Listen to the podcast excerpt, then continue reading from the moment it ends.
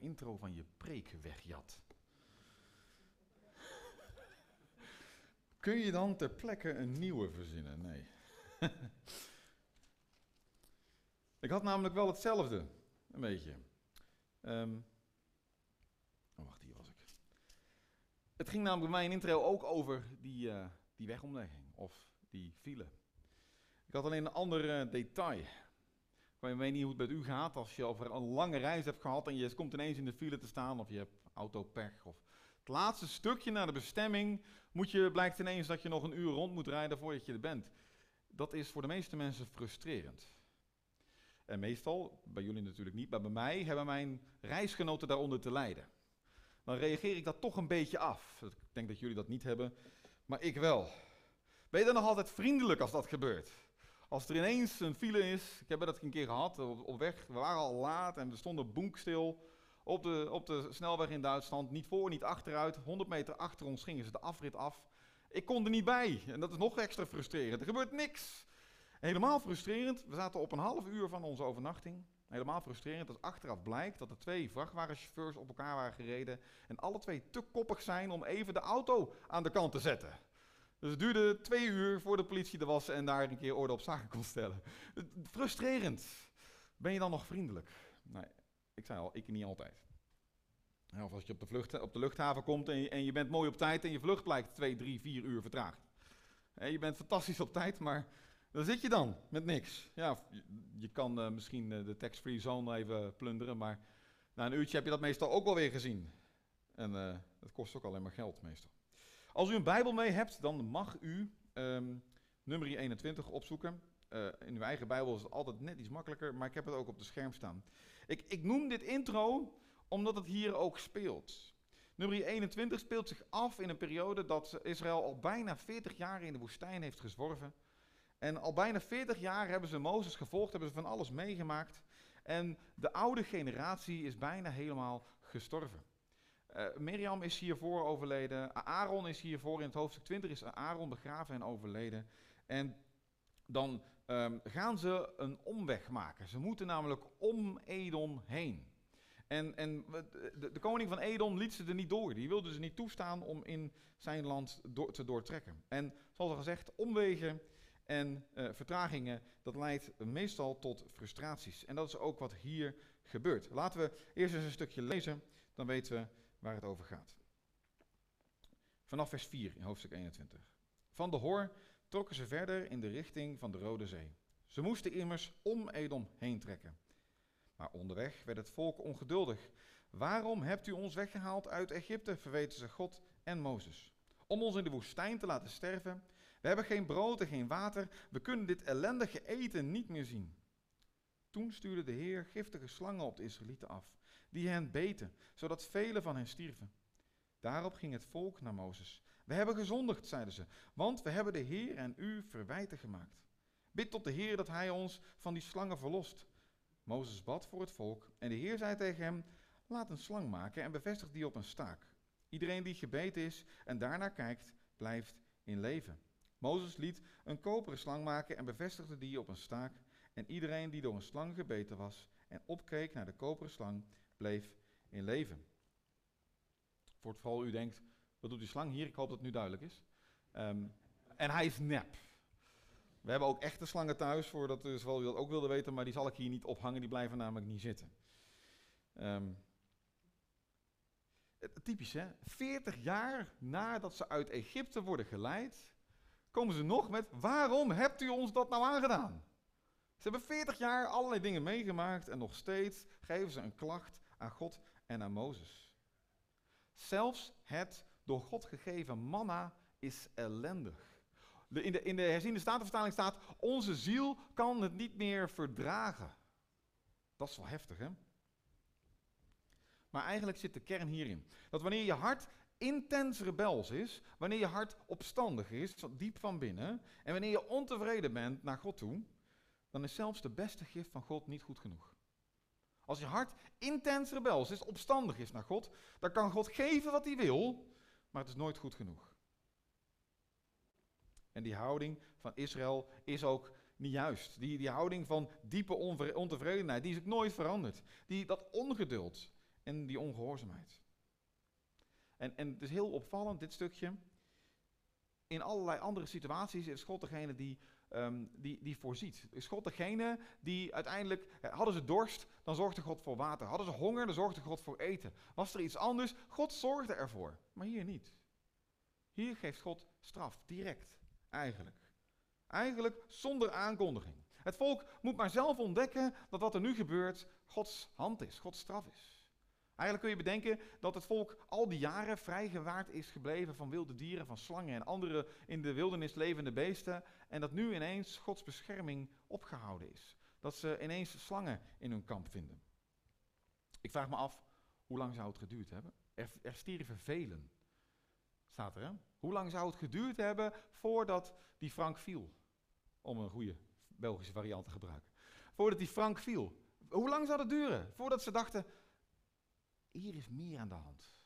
Dit kan niet zomaar. Die slangen, die, we hebben nooit last van slangen en nu ineens wel. Er stierven erg velen. En, al, en als ze dat dan doorhebben, dan gebeurt er iets wat nog maar één keer eerder gebeurd is met het volk Israël. Ze gaan naar Mozes en ze zeggen, wij hebben gezondigd. In die 40 jaar tijd, alles wat er opgeschreven is, is dit de tweede keer dat het volk erkent gezondigd te hebben. Ik vind dat zo frappant, zo bizar eigenlijk. Als je die verhalen doorleest, dan kunnen, hadden ze dat wel vaker kunnen zeggen. Hadden ze wel vaker kunnen zeggen, oei, hier hebben we gezondigd. Maar dit is de tweede keer. En de eerste keer meenden ze het niet eens ook. De eerste keer stonden ze aan de rand van het land Canaan, kwamen die twaalf verspieders terug. En die twaalf verspieders, die tien van die twaalf, zeiden van ja, dit redden we nooit. Dit land is te sterk, er lopen reuzen, die steden zijn te sterk. Dit kunnen we niet innemen. En het volk komt in opstand en dan zegt God, oké, nu zullen jullie er niet inkomen. Nu zullen jullie het land niet innemen. En dan zegt ja, we hebben gezondigd. En dan maken ze een leger en dan gaan ze tegen het advies van God en Mozes alsnog proberen Canaan in te nemen met desastreuze gevolgen. Er sterven er velen in die tijd. Dus ze zeggen we hebben gezondigd, maar ze willen het zelf oplossen. Dat gaat niet.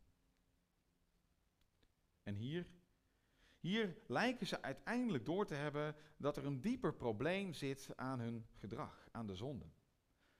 Ze denken ten diepste, God is niet te vertrouwen. En hier begrijpen ze eindelijk een beetje dat, dat God wel te vertrouwen is. En dat God doet wat hij zegt. En dat God zijn geboden niet geeft om je te pesten, maar dat zijn geboden goed zijn.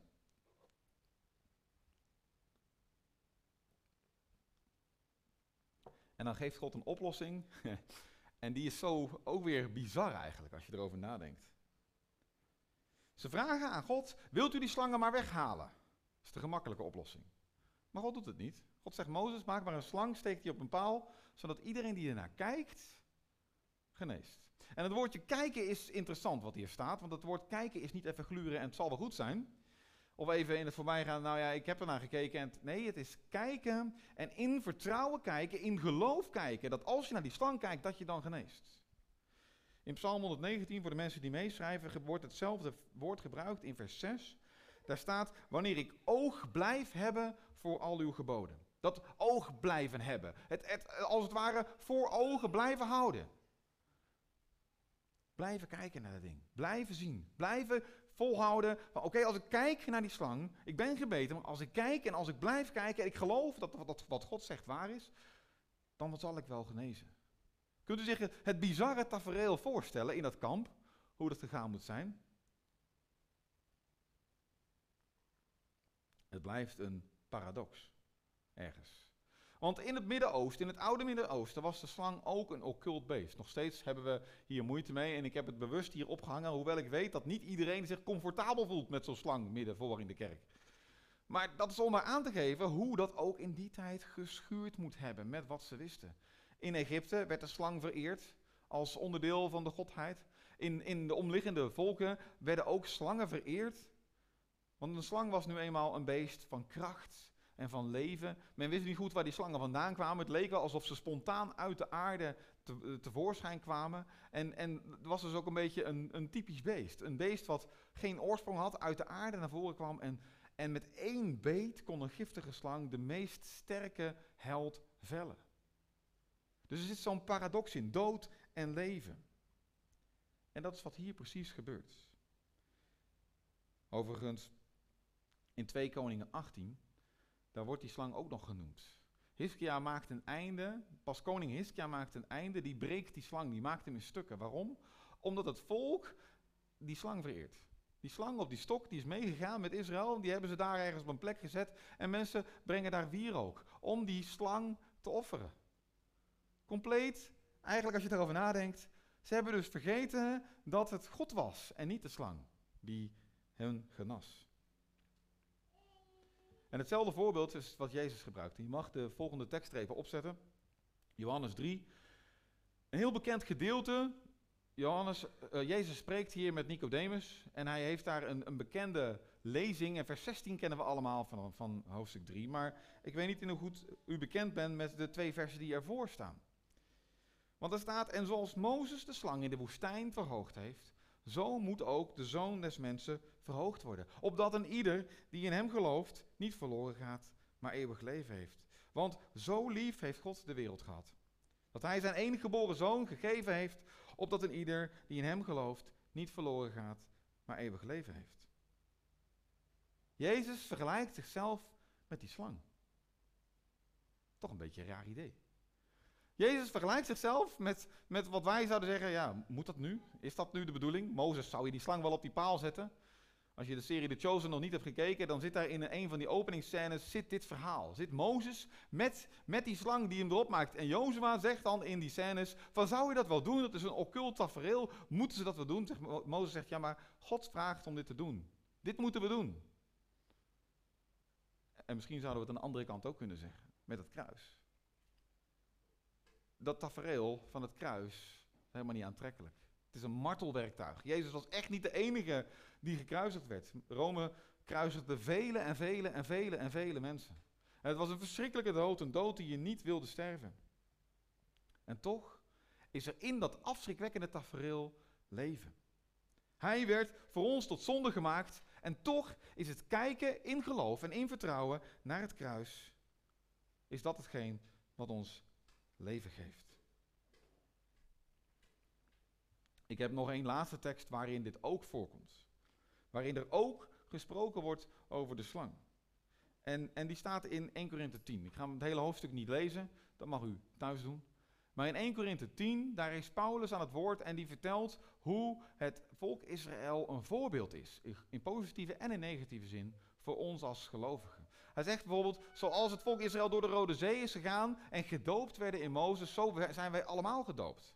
En zoals zij geestelijk, uh, zoals zij voedsel kregen, hebben wij geestelijk voedsel. En daar bedoelt hij Gods woord natuurlijk mee. En, en zo geeft hij al die dingen aan en, en geeft hij ook verschillende voorbeelden van negatieve dingen. En dan in vers 9, daar staat iets heel opmerkelijk. En ik wil daar nog even bij stilstaan vanmorgen. Daar staat, laten we Christus niet tarten. Zoals sommigen deden in de woestijn. Want daardoor werden ze door slangen doodgebeten. En je denkt van, wat, moet je daar nou mee met zo'n vers?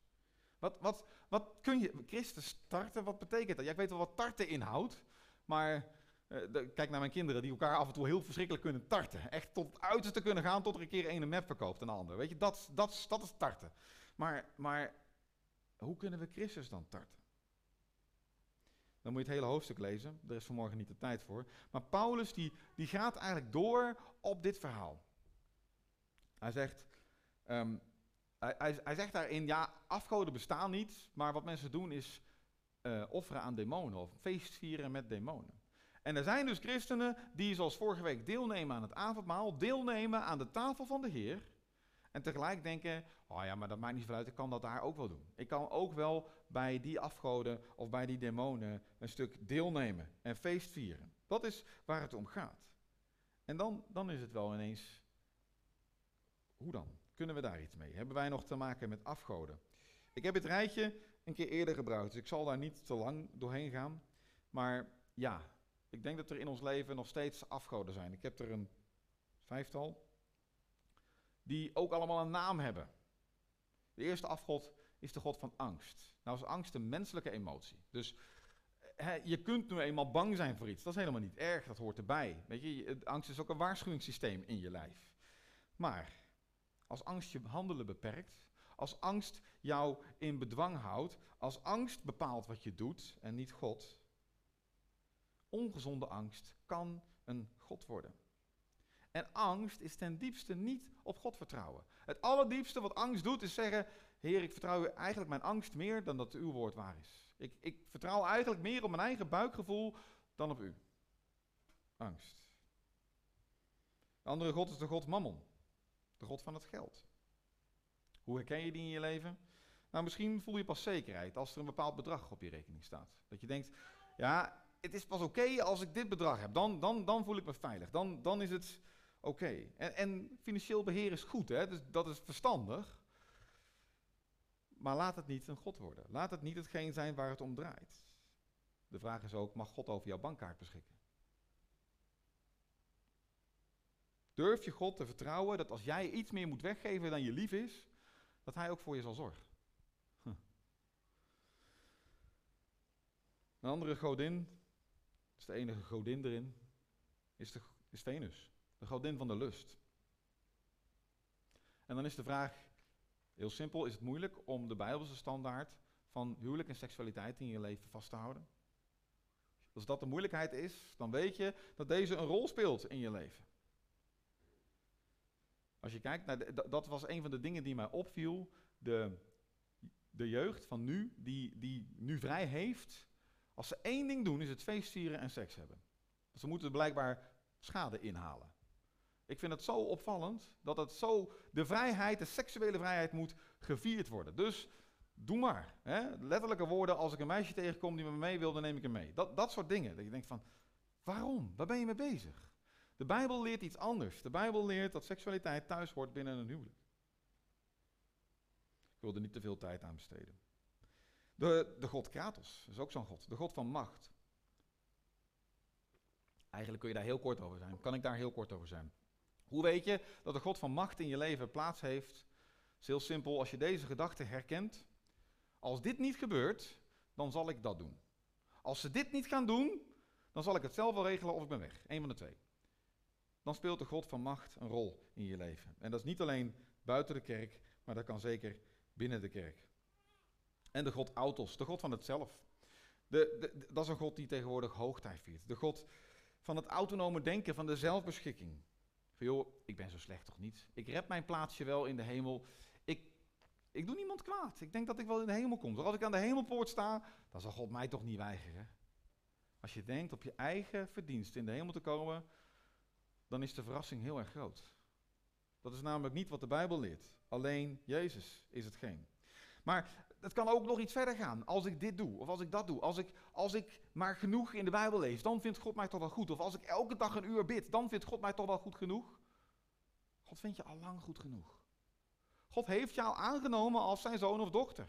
Hij vindt je al lang goed genoeg. Je hoeft het niet meer te verdienen. Je mag het aannemen. En hetzelfde geldt voor trots. Want eigenlijk komt alles neer op durf je het over te geven aan God. Durf je het volledig over te geven. Zal ik mij overgeven? Waarom? Vanmorgen heb ik het sowieso niet gezien, maar eh, onze handen opheffen vinden we spannend, lastig. Stel je voor dat ik dat doe en mijn buurvrouw of mijn vrouw of mijn man of wie dan ook kijkt naar mij en, en, en, ik sta zo en wat vinden ze dan van mij? Stel je voor. Dat is trots. Dat is trots. Ik vraag me altijd af, als de Olympische Spelen of een andere sportwedstrijd is en, en, en jouw favoriete sporter is daar, ben je dan ook zo stil aan het zitten en aan het kijken? Of reageer je dan met iets meer passie en enthousiasme? En de grote vraag is, waarom kan het daar wel en hier niet? Handen in de lucht. Of op je knieën gaan, in de kerk. Omdat je eh, je wil uiten dat God groter is dan jij. Weet u, dat zijn geen dingen die ik verzin. Het komt gewoon in de Bijbel voor. Een andere optie, en, en oké, dat gaat voor mij ook wel ietsjes ver, maar is plat op je aangezicht liggen. Hè? Dat is ook een Bijbelse vorm van God aanbidden, is, is helemaal lang uit liggen. En, en, maar het begint natuurlijk thuis. Het begint niet hier. Het begint thuis. Als je thuis niet met je handen omhoog durft te staan, doe je het hier ook niet. Als je thuis niet op je knieën durft te gaan voor God, doe je het hier ook niet. Maar in de basis is het trots. Waarom zou ik het doen? Omdat God uiteindelijk groter is. Het kan zijn dat je de dingen die ik genoemd heb, waar ik even snel overheen ga, en ik weet dat je dan dingen aanhaalt waar misschien iets naar boven komt, dat je daar last van hebt. Dat er iets is wat tussen jou en God staat wat je nog op moet ruimen. Misschien was het wel een herkenning dat, dat de Israëlieten ook zelf moesten uitvissen dat die slangen door God gestuurd werden. Dat je dacht, oh, zou dat iets kunnen zijn? Vraag het aan God.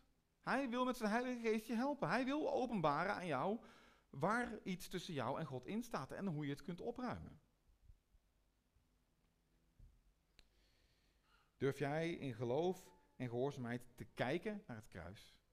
Want, want het gaat niet om even gluren in het voorbijgaan en denken het zal wel goed zijn. Even uh, uh, een, een, een, een snel gebedje en het is wel oké. Nee, het gaat om kijken in geloof. Jezus is mijn redder. Hij is voor mijn zonde gestorven. En dat is genoeg. Daar draait het om. Dat is, durf je dat te zien? Of, en dat is best een heftige vraag om te beantwoorden, tart jij Christus nog steeds? Het is wel heftig om voor jezelf te zeggen of dat zo is, maar het is een prikkelende, bijtende preek, wou ik bijna zeggen, met die slangen. Weet u, ik wil zo gewoon afronden. Um, maar we waren van de week, Jacques en ik waren hier aan het wandelen en vlakbij de Boudelooppark ging op de muur een schildering, daar stond, spreken doet muren breken. En dat is ook wel wat ik wil noemen nog vanmorgen. Hou het niet voor jezelf, spreek erover. Als er dingen zijn waar je mee worstelt en je moet daar niet mee naar mij komen, dat mag, maar het moet niet. Er zijn meerdere mensen, Jackie, Luc, Chris, of iemand die je vertrouwt. Ga ermee. En, en praat erover. Want alleen maar door het voor jezelf te houden en te denken, ja, ik kan het wel oplossen, dat kan soms. Maar spreken doet muren breken. En door het uit te spreken kun je uiteindelijk ruimte krijgen om het op te ruimen. Zullen we een ogenblik stil zijn en even de Heilige Geest laten werken en laten spreken in ons leven. En dan zal ik afsluiten met gebed.